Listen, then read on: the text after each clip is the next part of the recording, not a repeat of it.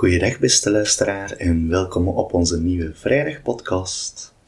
We zitten hier gezellig aan tafel bij Herman thuis aan het stoken, terwijl dat de regen buiten tegen het raam aantikt. En we willen graag vandaag eens verder gaan waar dat we vorige keer zijn geëindigd. Vorige keer hadden we het over onze ochtendspreuk, hoe dat we in de wereld kijken, naar de stenen, naar de planten en de dieren. En vanuit die waarneming eigenlijk uh, komen om ons oordeel uit te stellen. Deze keer gaan we nog verder en nog dieper kijken misschien naar de zaken die je niet meer direct uh, fysiek kunt waarnemen, maar ook echt diep binnen ons liggen. En ook daar weer geeft onze ochtendspreuk daar eigenlijk een heel mooie voorzet voor. Alvast veel luisterplezier. Dankjewel, chef. Uh, ik voel onmiddellijk dat ik het spannend vind om te spreken over uh, de niet waarneembare dingen of de niet waarneembare wereld. Waarom vind ik dat spannend? Omdat mensen daar denk ik weinig over praten. Hoe ervaar ik die niet waarneembare wereld? En omdat ik dan onmiddellijk bang ben uh, dat er een aantal clichés over onze scholen wordt bevestigd. Um, de zweverige Steiners met geitenvolle sokken. Uh, ja. Hebben jullie dat ook of ben ik daar alleen in? Ik kan dat volgen. Ik kan dat wel uh, inderdaad uh, ook waarnemen. ik moet zo onmiddellijk de denken, misschien heb ik ooit het mopje verteld, hoe kun je uh, antroposofen herkennen. Heb ik dat nog nooit? Ja. Uh, dus je leraar in een Steinerschool of antroposofen in het algemeen, die blijken 10 centimeter groter te zijn dan een doorsnee mens. Ja, dat is, dat is onderzocht. Die, die, die zijn. Uh, en als je dan vraagt hoe komt dat, ja, omdat die minstens 10 centimeter boven de grond zweven. dat is onderzocht. wetenschappelijk, ja. Uh, ja, wetenschappelijk. Nee, maar uh, dat zweverige, uh, dat is inderdaad wel een gevaar. Want als je zweeft, dan sta je niet in de wereld. Maar ja. als je alleen maar op de wereld wil staan, en geen oog hebt voor datgene wat, zoals je het zei in de inleiding, achter de werkelijkheid zit, dan beschouw je eigenlijk maar een halve wereld. En we willen eigenlijk de totale uh, wereld in ons opnemen. Ik denk uh, dat we inderdaad eens moeten kijken uh, naar die ochtendspreuk die we met de kinderen elke ochtend samen ingetogen uitspreken. En dus inderdaad spreken we eerst tot de drie natuurrijken die, die we kennen als de stenen, de planten en de dieren. De, de, stenen uh, waarop we kunnen rusten, de planten die levend groeien en de dieren die voelend leven. Dus het, er komt telkens een, een element bij. Het gevoelsleven zit ook al bij de dierenwereld. En dan wordt er gezegd waarin de mens bezield de geest een woning geeft. Dus de mens is het enige wezen op aarde die in staat is om in zichzelf een ruimte te creëren waar dat de geest kan in zich nestelen. Dat is al bijzonder. Hè? En dan uh, gaat de spreuk verder. De godesgeest. Hij weeft in zon en zielenlicht, in wereldruimte buiten en in zielendiepte binnen. Dus die wereldgeest, of die geest in ons, die weeft, die tracht te verbinden. En dan we de spreuk met, tot u, o Godes geest, wil ik mij vragend wenden, dat kracht en zegening voor leren en voor arbeid tot wasdom mogen komen. Dus We, we bekennen ons tot die godesgeest, wie dat ook mag zijn, maar waar dat we ons wel willen toerichten om kracht en zegen te krijgen voor de, voor de taak van de dag. Dat is een, een, een heel andere stemming dan de kinderen komen binnen, zetten hun boekentas neer. Mannen, doe, uh, neem uw grief uit een boekentas, zodat we met de les kunnen beginnen. Dat is een heel ander, een heel ander gegeven. Dus we, we maken ook iets tot een stemming. Een heilige stemming, waarmee de dag anders begint dan wanneer je gewoon weg tot de orde van de dag overgaat. En waar roepen we daarmee op?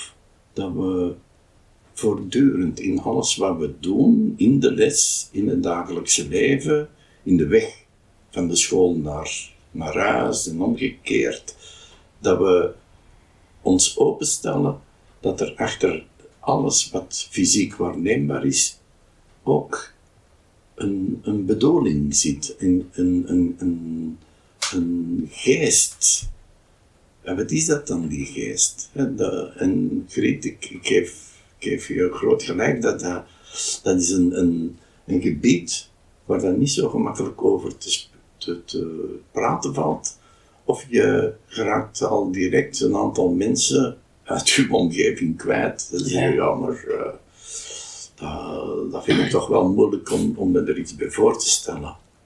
Want um, ik hoor jou de spreuk zeggen, ik zeg ze ook elke dag als ik periode heb, maar dan hoor ik ook kritische mensen, misschien de mensen die je dan kwijt bent, die zich onmiddellijk afvragen, weten de kinderen eigenlijk wat ze zeggen?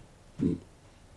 En is dat belangrijk dat ze dat weten, wat ze zeggen? Maar misschien kunnen we daar zelfs... Ja, maar als, je, als het over begrijpen gaat, dan, dan heb je het over het verstandelijke. Ja, tuurlijk. Zoals je in een boek leest, hè, vele mensen zeggen, ik kan een boek van Steiner niet gelezen krijgen, want na de eerste zin moet ik al denken, begrijp ik dat? Ik had dat ook wel eens, nou, als jonge kerel, uh, de, de, in het begin dat je zo'n notitieboekje naast jou nam en dat je zegt, wat staat er nu in die eerste zin? Dan moet ik vasthouden. Want ik kan toch niet aan een tweede zin beginnen als die eerste zin van Steiner al niet begrepen is. Maar dan gaat het niet door het eerste hoofdstuk. Wat is dan de sleutel? En dat geeft hij zelf ook ja, aan. zegt hij.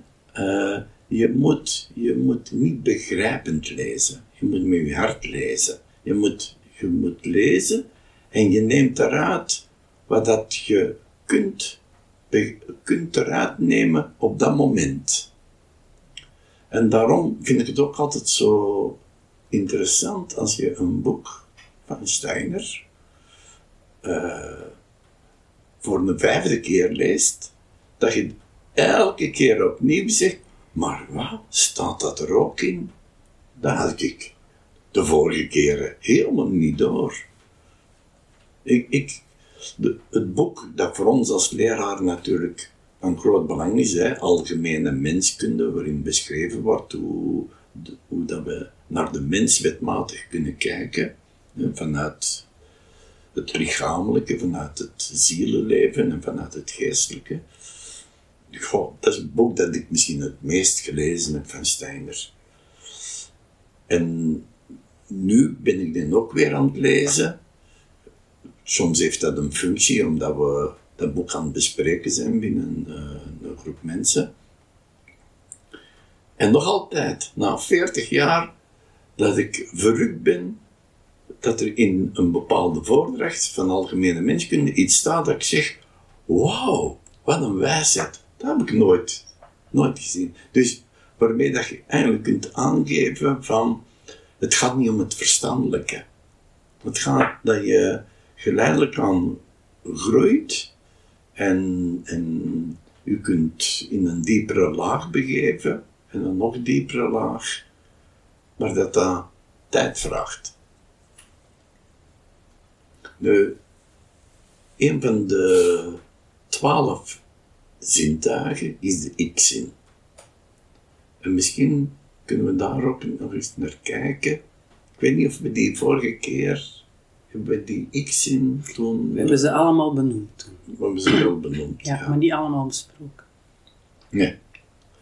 Die X-zin, ja, in de antroposofie kan ook moeilijk anders. Dat is, eh, dat is altijd een buitenbeentje. Dat is de enige plek waar dat je de X-zin als zintuig uh, ziet opgenomen worden. En op het eerste zicht denk je dan, met de ik-zin leer ik mezelf, mijn eigen ik kennen. Maar dat is niet. Waarnemen is kijken naar buiten.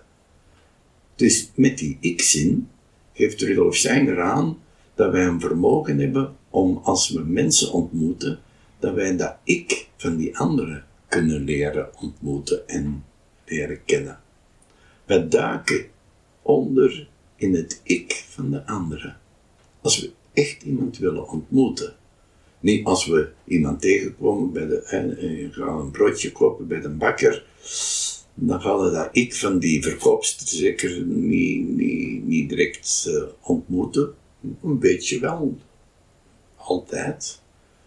Maar uh, dat contact is dan meestal te vluchtig om te zeggen, ja, ik heb dat ik van die anderen echt leren kennen. Maar bij vrienden en bij collega's is dat wel zo. Als iemand zegt, ja, vertel me eens iets over die collega, dan kunnen de uiterlijke kant beginnen beschrijven. Dan kunnen ze zeggen, oh, die, thuis uh, drie kinderen en die wonen op de buiten en uh, die, die zijn vooral bezig met de natuur en, en je begint dat te beschrijven. Maar dat is nog niet de vraag van wie is dat eigenlijk? Wat voor iemand is dat? Ja? Om dat te kunnen beantwoorden, moet je eigenlijk je ik-zin al hebben aangesproken. En moet je, als je, als je thuis bent en je denkt eens aan, aan die collega, dat wat komt er naar boven? Dat leer je kennen door onder te duiken in de andere.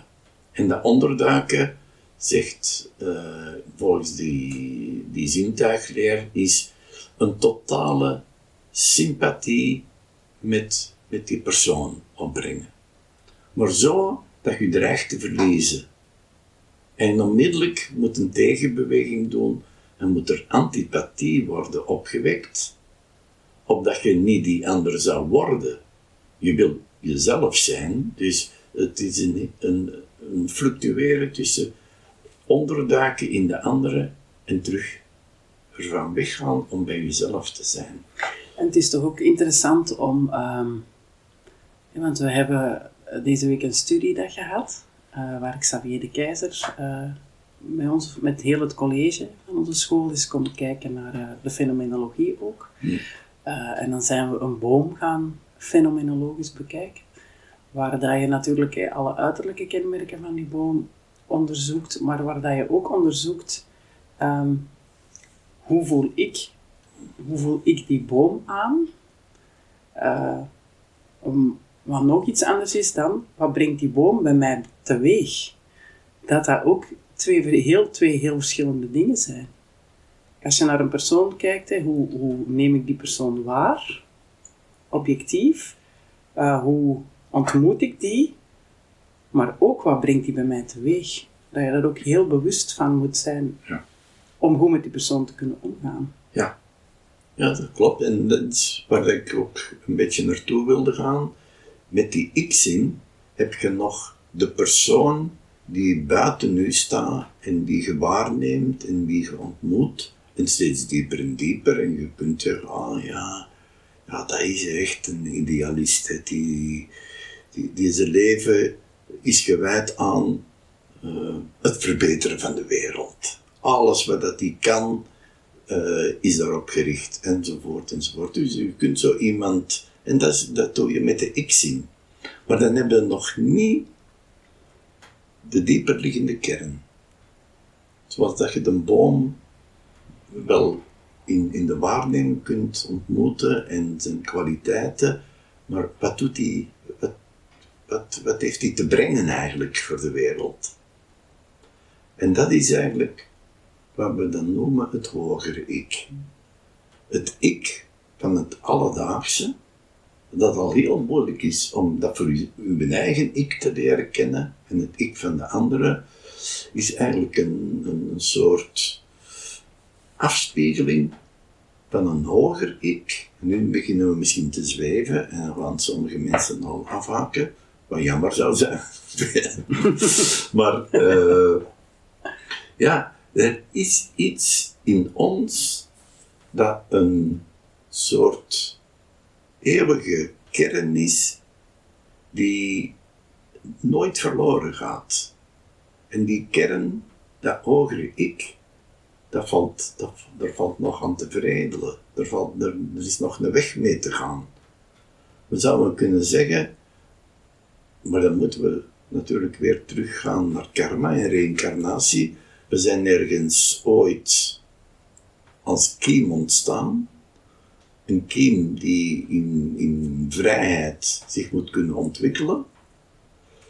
En we gaan in, in vele stadia doorheen meerdere wereldfasen en, en, en incarnaties om op het einde van de rit op eigen krachten, vanuit eigen eh, vrijheid en idealisme, te worden tot iets goddelijks. En die kern, wat we nu onze hogere kern noemen, is, een, is de tussenfase. Nu, nu hebben we on, onze, zijn we op onze weg al gekomen tot, tot dit punt. En ons dagelijks leven is daar een afspiegeling van. En je zou kunnen zeggen, eh, hoe kan ons ik en dat hoger ik communiceren? Dat is al iets heel bijzonders. Hè? Hoe kan iets, een, als, als het een afspiegeling is, dan moeten die wel contact hebben. En dat is ook zo. Daar hebben we het eh, ook al over gehad in een, in een vorige podcast. Dat is eigenlijk onze, onze dagelijkse ontmoeting met, met die bovenkant. Wij, als wij inslapen, dan verliezen wij ons bewustzijn, maar ons bewustzijn en onze, on- on- ons ik gaat even op bezoek terug in die geestelijke wereld om af te stemmen, ben ik, zit ik op mijn weg, ben ik bezig wat ik mij heb voorgenomen en waar dat ik om te groeien heb is, is, is, is dan nog in, in, in harmonie. En eh, het beste is natuurlijk om dat heel bewust te doen, die afstemming. En niet in slaap te vallen, maar te, maar te vragen dat op, de, op uw nachtelijke tocht, dat je de, de, ja, de wezens mag ontmoeten die u daarin begeleiden. En dat die u ook inspireren. En bij het wakker worden eh, ben je terug in de dagelijkse realiteit. Je gaat van die nachtelijke reis eh, soms een flart opvangen, maar vaak ook niet. Omdat u, uw dag meestal begint met een wekker die afloopt. Je, je komt in de realiteit, je moet u, u klaarmaken voor de dag, een ontbijt en, en dit en dat. En, en je bent vertrokken. Wat erbij kan helpen is natuurlijk dat je je vrijheid die je hebt als mens ten volle benut door te zeggen ik begin mijn dag niet voordat ik één of twee of drie minuten helemaal bij mezelf kom. Omdat ik dan de tijd geef om mijn ik af te stemmen op mijn nachtelijk reisje en om te vragen, daar waar ik aan het wegglijden was, daar waar ik eh, niet trouw was aan mijn opdracht die ik in dit leven gekozen heb, om, om, om dat terug eh, aan te, op te pakken. En ik weet niet of ik nu hard aan het zweven ben. en, Nee, dat, maar- en dat dat misschien zwaar eh, kan overkomen. Maar langs de andere kant, als het, het zo eenvoudig is eigenlijk het leven. Namelijk een, gewoon nog maar bekennen dat er achter de dagdagelijkse wereld waar dat ik verantwoordelijk voor ben, hoe dat ik in de wereld sta, dat er ook een, een zingeving zit en een, en een, en een, eh, een motief dat niet altijd heel helder is in, het, in, in, in de jachtigheid van de dag, maar die je wel, wel kunt bewaken door momenten van stilte en van bezinning en van meditatie. En, en, en, en, en zoals ik zeg, ook leren de nacht te gebruiken om, om die afstemming uh, ja, te verzorgen. Maar het vraagt gewoon um, een heel groot bewustzijn. En we hebben met, met college doen we dan ook studie elke week. En natuurlijk hebben we die fenomenologie ook uh, teruggepakt. We hadden ook studie gedaan van de vier wezensdelen. We hebben daar deze week dan op teruggeblikt. Um, waar mensen ook zeggen, maar ik weet zelfs nog niet wat mijn ik is. En dan gaat dat, en dan is het al de ontrafeling van, wat is ik? Ja. Is dat gewoon eigenlijk mijn, een opsopping van, mijn, van wie ik ben, de kleren die ik draag, de dingen die ik doe, uh, het gezin dat ik heb? Of is dat wie ben ik in de kern? Die alleen al dat vraagstuk vraagt soms veel van mensen.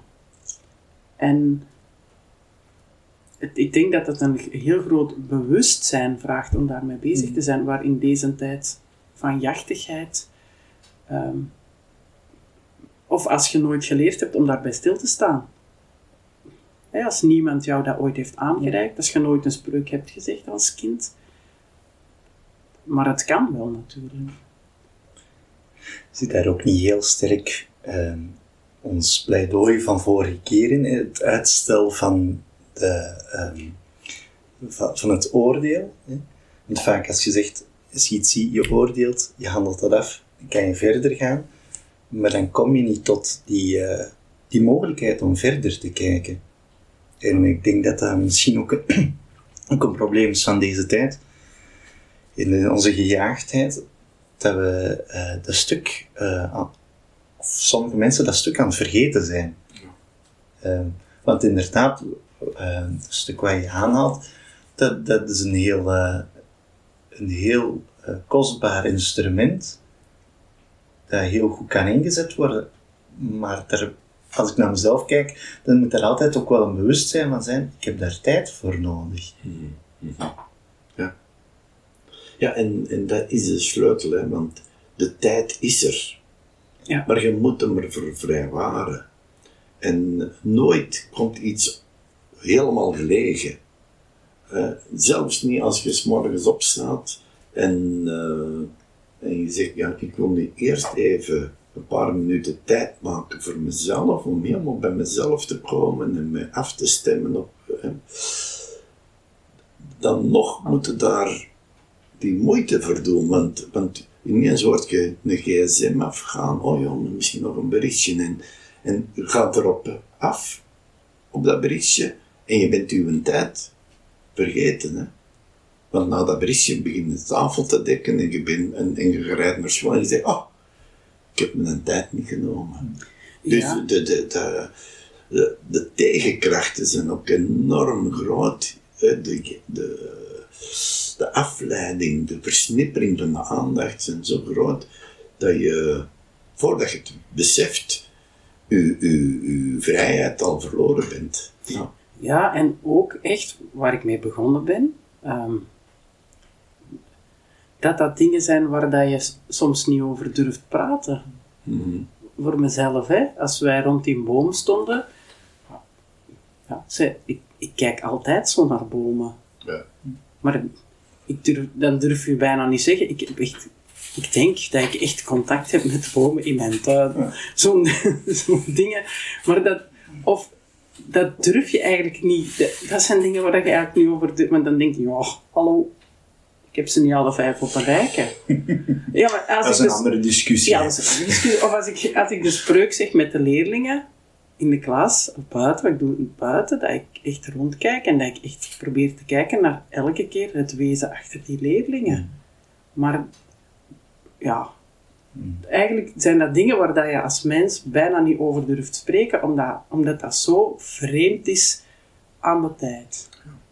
En vroeger ook, want dat waren een heks en dan werd het een brandstapel gezet. Ja. Want die mensen zagen denk ik gewoon heel helder vaak de dingen achter de wezens. Maar dat is toch een... Ja, dat is iets dat, dat je mag of moet nastreven. Dat is achter elk ander mens, achter elk ander kind, leerling, collega, de, eh, de partner, van daar het, het heilige achter te zien. Elke mens is uniek, heeft iets in de wereld te brengen dat, dat niemand anders kan. Dus het unieke van elke mens, het heilige, dat is iets waar dat wij een, een enorme bewondering moeten voor opbrengen. En beseffende, zonder hen kan ik niks. En als je zegt, ja, ik, ik, ik- het is al zo moeilijk om mijn eigen ik te vinden, maar ik denk hè, dat dat ik maar te vinden is dankzij de anderen. Dat je, dat, men zegt wel eens, het moeilijkste is je eigen leren kennen, maar in wezen klopt dat ook. Hè. Dus eh, in, de, in de heilige mysterie, tempels van vroeger, hing er boven de ingang, ken u zelf. Dat was de, de grondspreuk, de grondhouding om ingewijd te kunnen worden. Ken u zelf. En om, om die weg eerst te gaan als voorbereiding, om dan nog een diepere laag te kunnen aanspreken, namelijk achter de zintuigelijke wereld te kunnen zien, ja, moet eerst dat ik uitgeklaard worden. En dat is een, een, een, een, zaak van de, van de gemeenschap. Daarom is het een, een, een school als de onze valt of staat met dat lerarencollege. Hoe dat die met elkaar omgaan, hoe dat die elkaar dragen, hoe dat die eh, elkaar ondersteunen. Ook durven zeggen, hé hey jong, daar heb je toch wel moeilijk mee. Eh, daar toon je toch wel... Allee, dat, is voor mij iets dat mij triggert en, zelfs soms stoort. Dat is dat uit liefde voor die mens.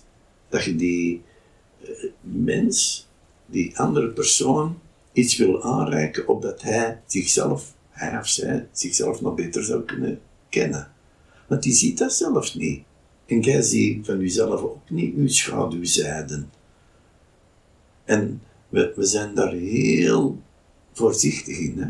om iets op, en je zou kunnen zeggen, ja, dat is een oordeel dat je dan uitspreekt. Maar je kunt Want Herman is aan het smelten van de stof, ja, die zo hard even... Want ik zit met mijn rug naar de kachel. Even blijven draaien. Ja, oké. Eh, ja, wij, wij, wij durven soms niet eh, datgene wat je zou moeten zeggen, ook uitspreken, omdat je denkt, omdat je denkt dat de ander daarmee gekwetst gaat zijn. Maar als de intentie is om niet te kwetsen, maar om iets te spiegelen en om te zeggen van, "Tja, bij jou heb ik altijd die voorzichtigheid of, eh, of angst dat je in een cholerie gaat uitbarsten of dat je eh, niet zegt wat je te zeggen hebt, maar er rondgaat. Eh, ja, dan heeft de ander de mogelijkheid om er eens over na te denken.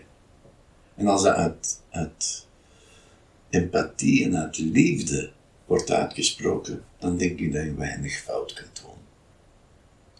Maar het is een sociale kunst. Hè? Het is, eh, er is niks zo moeilijk als, als met mensen om met elkaar om te gaan. Maar ik denk wel dat dat het fundament is. Eerst uw ik doorgronden, ken uzelf, om van daaruit uw ik te gaan afstemmen op uw hoger ik, dat eigenlijk de, ja, de, de verbinding maakt van oorsprong tot het einde. En het einde is, wat zal het zijn, opgenomen worden in die goddelijke wereld, omdat je er echt helemaal nu klaar voor. En dat is niet, voor mij is dat niet zweverig. Ik, ik uh, kan me er ook nog moeilijk een beeld van vormen, hoe dat, dat dan zal zijn. Maar uh, ik zie wel, ik zie wel dat de mens in staat is om, om aan, aan dat ik te, te schaven. En, en in overeenstemming te brengen met, met, met lot, of de levenstaak die je voor dit leven hebt opgenomen. Die, die, die wordt met het ouder worden en met het aldoende gaan voor mij altijd maar duidelijker en duidelijker. En dat maakt het leven niet gemakkelijker, hè? want dat drukt u nog meer op de feiten waar je allemaal achter te laten hebt aan ballast en aan uh, bedweterigheid of, uh, of wat dan ook. Dus uw, uw lagere kant moet er ook mee afgelegd worden. En daar ben je dan zo mee vertrouwd hè, dat het niet simpel is om, om daar afscheid van te nemen. Nu, um, naast onze spreuk zeggen, s'morgens, want het is iets dat wij onze leerlingen ook wel willen meegeven, uh, of willen ontwikkelen bij onze leerlingen. Wat doen we dan nog in onze lessen? in onze pedagogie, omdat zonder dat eigenlijk, want we, dat is ook iets dat we niet elke dag ter sprake brengen. We proberen dat voor te leven. Uh, wat doen we dan om dat te doen in onze lessen, in onze, ja, in onze school? Ik denk dat dat stapsgewijze moet plaatsvinden. Zoals de ontwikkeling ook stapsgewijze is. Ja. Uh, bijvoorbeeld in, in onze middenbouw, hè, en Frank zijn er ook de juiste mensen voor, ik blijf dat zeggen, uh, die de kunst hebben om de leerstof te brengen waarbij dat de kinderen met hun open mond zitten en verwondering en uh, enthousiasme voelen voor, voor datgene wat behandeld wordt. En waarom zijn ze er enthousiast voor? Omdat het leven heel de tijd binnenvloeit. Dat is geen kopleerstof. Waarbij af, het wordt afgevinkt of, of dit en dat allemaal behandeld en gekend is. Maar het leven is daar heel de tijd aanwezig.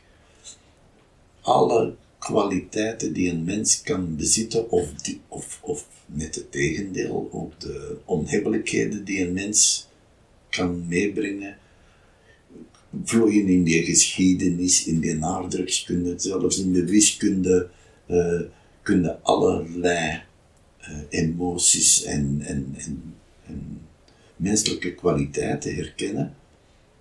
En de, de, alleen nog maar dat is al een heilig gebeuren. We hebben het al eens gezegd, elke les moet opgedragen worden aan de grootheid van de mens. En dan kun je wel zeggen van, ja, maar zo groot zijn we nu ook niet als je ziet naar de wereld wat er allemaal aan gebeuren is. Nee, maar potentieel is de mens in staat om alles ten goede te keren. En ik denk, als je nu hebt van waar tonen we die geestelijke kant, dan tonen we dat door voorbeelden te geven, waarin dat de mens bijzonder is. Hoe dat die in het leven kan staan en de, de samenleving weet te, te, te beïnvloeden door zijn, de kracht waarmee hij aan, de, aan, aan zijn beroep uh. Of, uh, ik denk dat dat in de, in de middenbouw is. In de bovenbouw komen we even tot een dieptepunt. Ja. In, in de negende klas uh, we zullen er zeker al eens een patent hebben gemaakt. Er, er kan het zeker zijn. Ik heb overlaatst nog in negende klas uh, les bijgewoond. En in de ochtendspreuk zag ik zo een aantal hun armen gekruist voorin en, de, en het hoofd naar omlaag en niet meespreken. En een paar hoorden trekken. Die zeggen wel. En die... En dat vind ik dan fantastisch. En dan, dan, dan, innerlijk denkt, oh, het zou toch zo mooi zijn als dat samen zou klinken, zoals in de middenbouw. En, dat er een tempo is en dat, die, dat er dan zingerig uitgesproken wordt. En ineens in die negende klas, wauw, heeft nog wel zin dat we de spreuk zeggen. En dan er even zo tot dat, dat en, dat, en dan denk ik, ja, het is belangrijk. En hoe dat die leraar er vooraan staat en met welke ingetogenheid dat die die spreuk blijft zeggen en verdraagt dat die jongeren niet meezeggen. Dat is een voorbeeld. Dat is hoe dat je u niet laat leiden door de omgeving, maar dat je innerlijk overtuigd bent, dit is zo bijzonder wat we daar uitspreken, dit wil ik voor geen geld van de wereld lossen. En dan zie je dat uw volharding en uw standvastigheid vruchten beginnen dragen. Nog niet, meestal in die negende klas, begin tiende klas, loop van de tiende klas, zie je ineens dat die leerlingen die hun mond stijf, de lippen stijf op elkaar hielden, ineens, je ziet die terug bewegen. En dat vind ik van de schoonste ervaringen als pedagoog. Ze zijn er, ze zijn door dat dieptepunt door. En uit eigen beweging, uit eigen vrijheid, spreken ze terug mee. Tot u, o Godes geest, wil ik mij vragend wenden. Zo fantastisch. En nu zeg ik iets heel uh, op het randje van mag het of mag het niet, maar ik zeg het toch. Uh, ik hoorde dat in een, in een school van de, zoals de onze, een leraar werd aangenomen en die weigerde met de kinderen de ochtendspreuk te zeggen. En dat is natuurlijk, dan, dan worden even op de feiten gedrukt. Van, moet dat kunnen? Zijn wij dan zo een school dat als iemand, als leraar, de vrijheid neemt om te zeggen, dat doe ik niet, moet die welkom zijn. Maar ik ga geen antwoord geven, maar het is toch wel eens om over na te denken. In deze tijd zijn er mensen die fantastische leraren kunnen zijn, zeer vakkundig, zeer capabel, maar dat element van ik wil de dag beginnen met mij te richten tot u, o Godesgeest, dat niet willen uitspreken. Wat doe je dan? Hè? Ja. ja. Dus je merkt dat het een voortdurend gevecht is binnen jezelf tussen uh, enerzijds het, idealisme, anderzijds het realisme, de, de twijfel. Ja. Maar dat is toch ook vaak, denk ik, dan een stuk van rijping. Ja. Uh, het is zo het stuk waar, waar je in uh, de middenbouw ziet, die zeggen de spreuk mee, het verdwijnt terug. En dat rijpt dan terug om opnieuw gezegd te kunnen worden. Een tijd terug was er een podcast van Winteruur met Wim Helze, een bekende Vlaam. En die moest een tekst meenemen. En die koos ervoor voor de ochtendspreuk. Die had op een Steinerschool gezeten. En die beschreef daar ook een, ja, ik heb die jaren opgezegd. Dan ben ik naar een andere school gegaan. En nu zie ik pas hoe een bijzondere tekst dat die is. En die helpt me vandaag de dag af en toe nog altijd. Mm -hmm. Mm -hmm.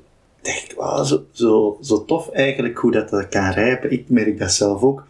Wat die spreuk mij nu brengt ten opzichte van ik als leerling, is al een heel wezenlijk verschil. Ja. ja, en wat je aan een kind niet aanbiedt, kan hij later ook niet in vrijheid beoordelen of hij er iets mee doet of niet mee doet. Dus het is, denk ik, van grote waarde dat wij met de kinderen die spreuk zeggen, maar dan ook eh, die vrijheid houden op dat ze meezeggen of niet. En je zult zien, eh, het zal zelden gebeuren dat een achtste klasser al niet meer meezegt. Uh, dat kan gebeuren. Hè. Het kan zijn dat die door bepaalde achtergronden of misschien bepaalde invloeden dat dan toch al. maar over het algemeen zie je nog een enorme kracht tot en met die leeftijd zo 13, 14 jaar. En dan kan het keren. En daar moeten we respect voor hebben. En ik zeg nu het mooie van, ik zie dan ineens in de tiende of elfde klas leerlingen terug ingetogen die spreuk zeggen en dat terug opnemen. Maar het kan ook zijn dat dat niet meer gebeurt. Of dat die leerlingen achteraf daar toch met die, met die godeswereld daar helemaal zich uh, van africhten. En dat moet kunnen. Wij maken van onze kinderen geen antroposofen of geen, uh, geen uh, geestelijke wezens. Zij kunnen alleen maar aan zichzelf werken. Maar wat je niet aangeboden hebt, kunnen ze ook niet opnemen. Dus, ja. En dan, dan zie je echt in een twaalfde klas, dat zij die laatste week dat ze op school zijn, dan moet die spreuk gezegd voor hun. Ja. Die laatste dag, ik herinner het mij nog vorig jaar, dat, dat, was, een, dat was een heel bijzonder moment. De laatste keer ja. dat die klas weet, wij zeggen nu de spreuk, hoe dat ze daar ook op gesakkerd hebben of ze niet mee gezegd hebben. Maar dat was geen weg naast. Wij zouden samen de spreuk zeggen. Ja. Ja. Alleen al voor het, uh, ja, het besef dat dat toch elke ochtend een heel bijzonder moment is geweest. Ja. En dan samen als groep ook, hè? Die, ja. die samenhorigheid en die dat samen klinken. Het, heeft, zal zeker ook een beetje nostalgie zijn. Maar als dat geen waarde heeft, hangt er ook geen nostalgie aan. Nee, voilà.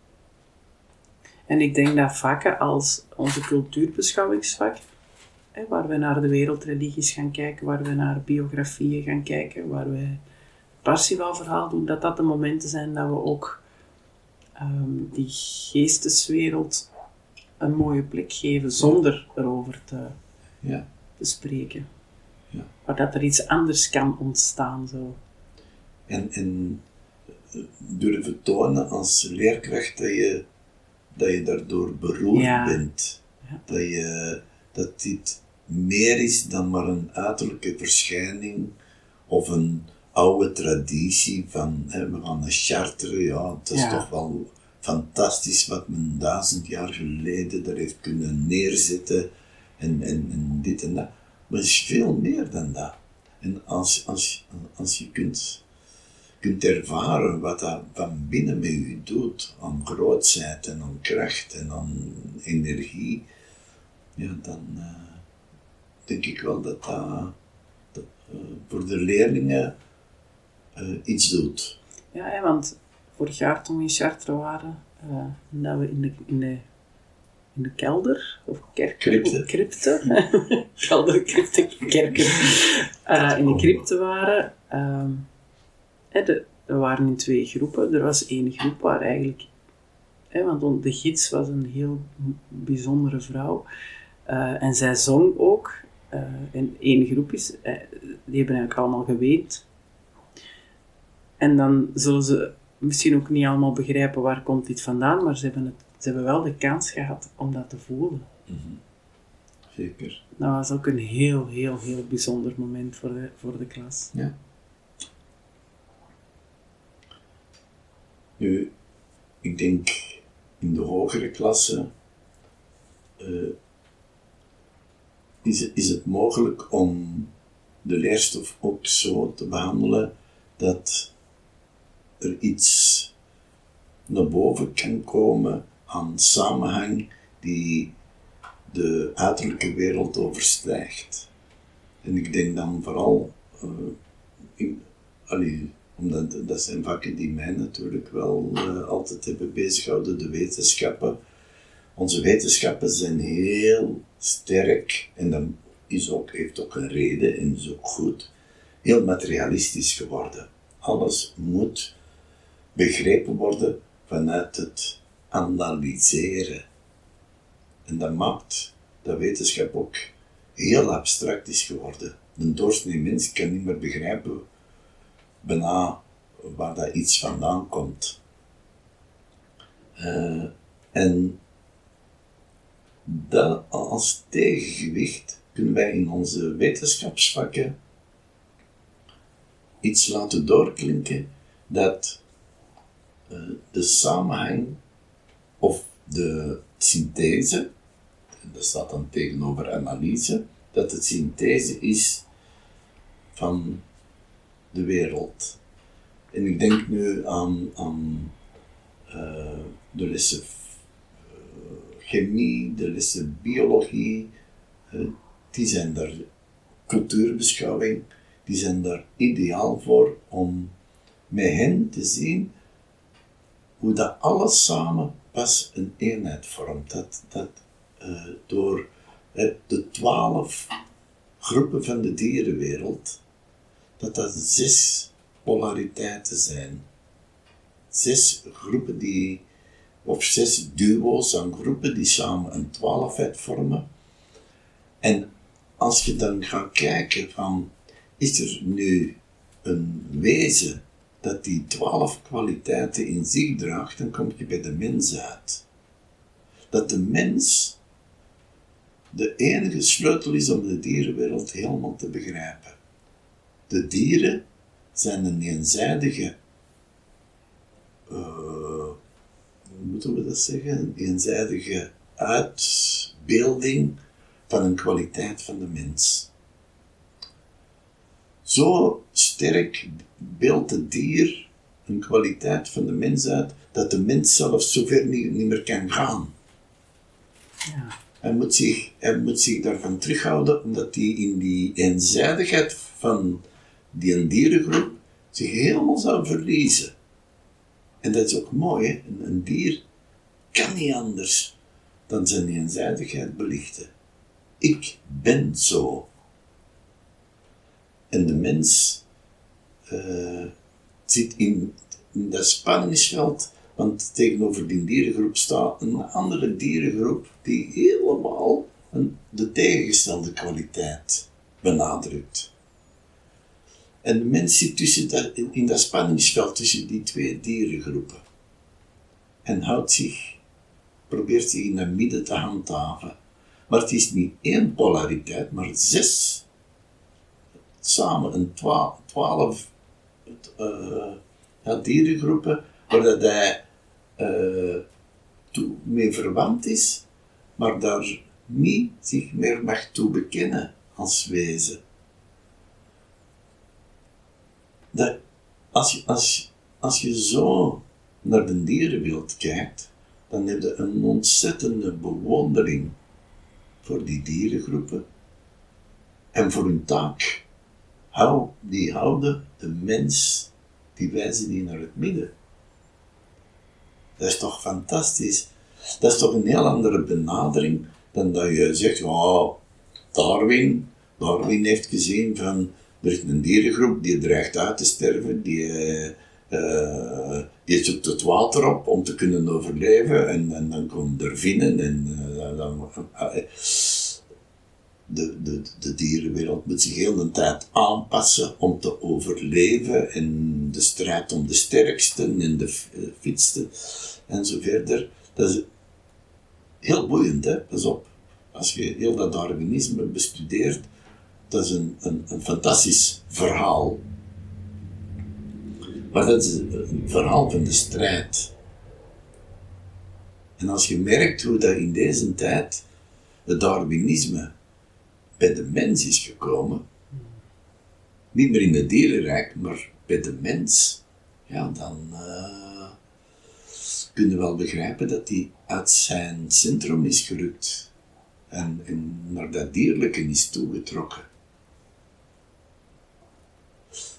Allee, dus de mens, en dat is niet iets belangrijker, he- heeft een, een andere ontwikkeling, heeft al een hogere ontwikkeling dan de dierenwereld. En dan hebben we nog niet over de plantenwereld en de stenenwereld, waar dat we ook ontzettend veel aan te danken hebben. Die dankba- dankbaarheid. Toch, als, als je dat in je lessen laat doorklinken, dan zijn we eigenlijk bezig met het geestelijke. En Eerbied, eerbied, dankbaarheid. eh, ja. Ik weet niet of dat zweverig is. Nee, dat is anders. Ja. Dat is op een andere manier naar de werkelijkheid kijken. Ja. Maar ook interessant om, om al die verschillende manieren van te kijken naast elkaar te leggen. Ja. En daar verwonderd over te zijn. Ja, en ik heb wel, want, want je bent eh, ook als leraar, gaat het door stadia door. En ik kan zeker in, in mijn loopbaan een keer eh, te hard eh, het Darwinisme hebben willen bestrijden Ja. door het andere nog meer in de verf te zetten. En ik heb geleerd van dat niet te doen. En de leerlingen hun keuze niet af te nemen, maar zij zullen later in het leven moeten zien of zij het leven zien als een strijd en als een darwinistisch gebeuren, of als een onderweg zijn om verbondenheid te maken tussen alle eenzijdigheden die mogelijk zijn in de wereld. ja, dat is eigenlijk die algemene menskunde lezen. Hè? Ja. De le- leerlingen zullen nu horen wat ze kunnen horen, wat ze kunnen begrijpen. En is voor hun ooit een moment daar om het anders te begrijpen en het anders te kunnen zien, dan zal die er ook zijn. Ja. Maar je kunt het wel aanbieden. Zeker. Dus ja, ik hoop dan ook, en daar, daar wordt in de schoolbeweging toch wel moeite voor gedaan en binnen de lerarencolleges, dat daar ook geoefend wordt. Dat, dat wij, ook al zijn we begonnen met te zeggen, er is een schroom om, om, om hierover te spreken, dat we tegelijkertijd ook de moed hebben om er mee aan de slag te gaan. Want als jij als leerkracht die moed niet kunt opbrengen en eh, vanuit de cognitieve benadering de leerstof gaat behandelen, het een na het andere, en, je eh, en dan moet jij nog een fantastische, goede leraar zijn. Hè? Maar als jij dat puur vanuit de zichtbare materiële werkelijkheid gaat benaderen, dan ontneem je de kinderen de mogelijkheid om dat te overstijgen. Ik, ik heb dat... Ik, was enorm geraakt. Ik geef ook les binnen de leraaropleiding, Eduarda. En er zat een, een eh, cursiste. En ik sprak over eh, wereldontwikkeling en over, eh, onder andere ook over Darwinisme en, en de, de andere mogelijkheid om naar de dingen te kijken.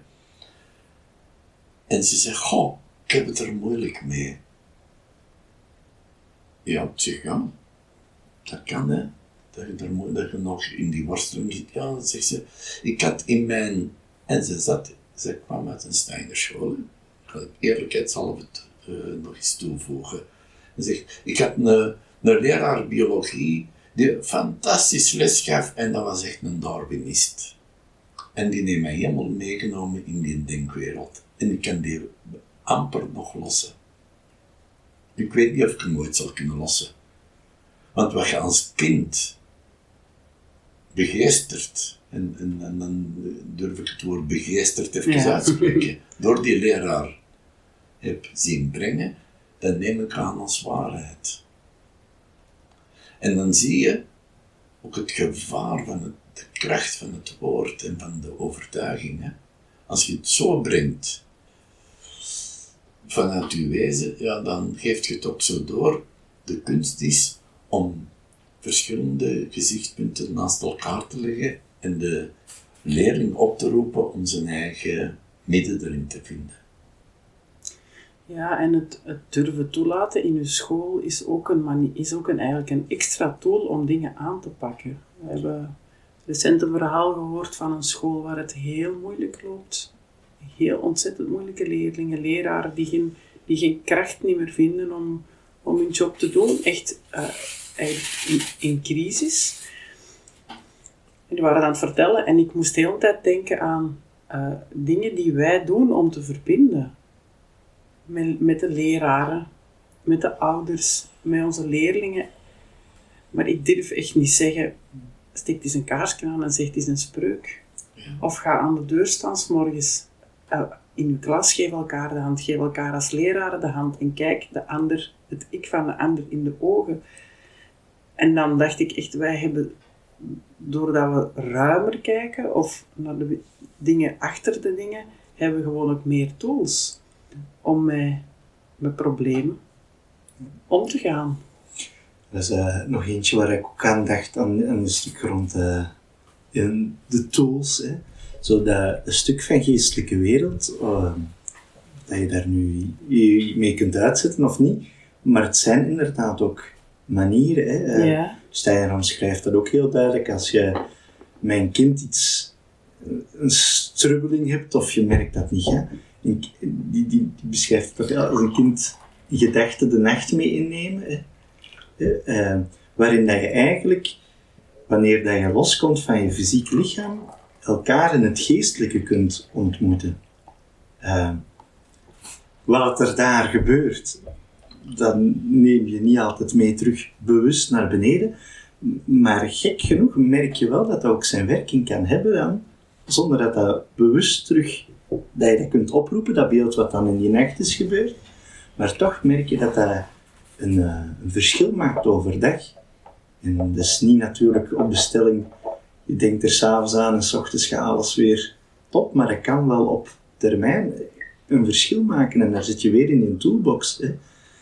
De kracht van iemand in, eh, in gedachten te nemen. Eh, ik denk, ik had onlangs zo'n heel, heel fijne ervaring, het ging dan over, niet op school, maar dat ik aan iemand dacht die ik zo lang niet meer ontmoet had.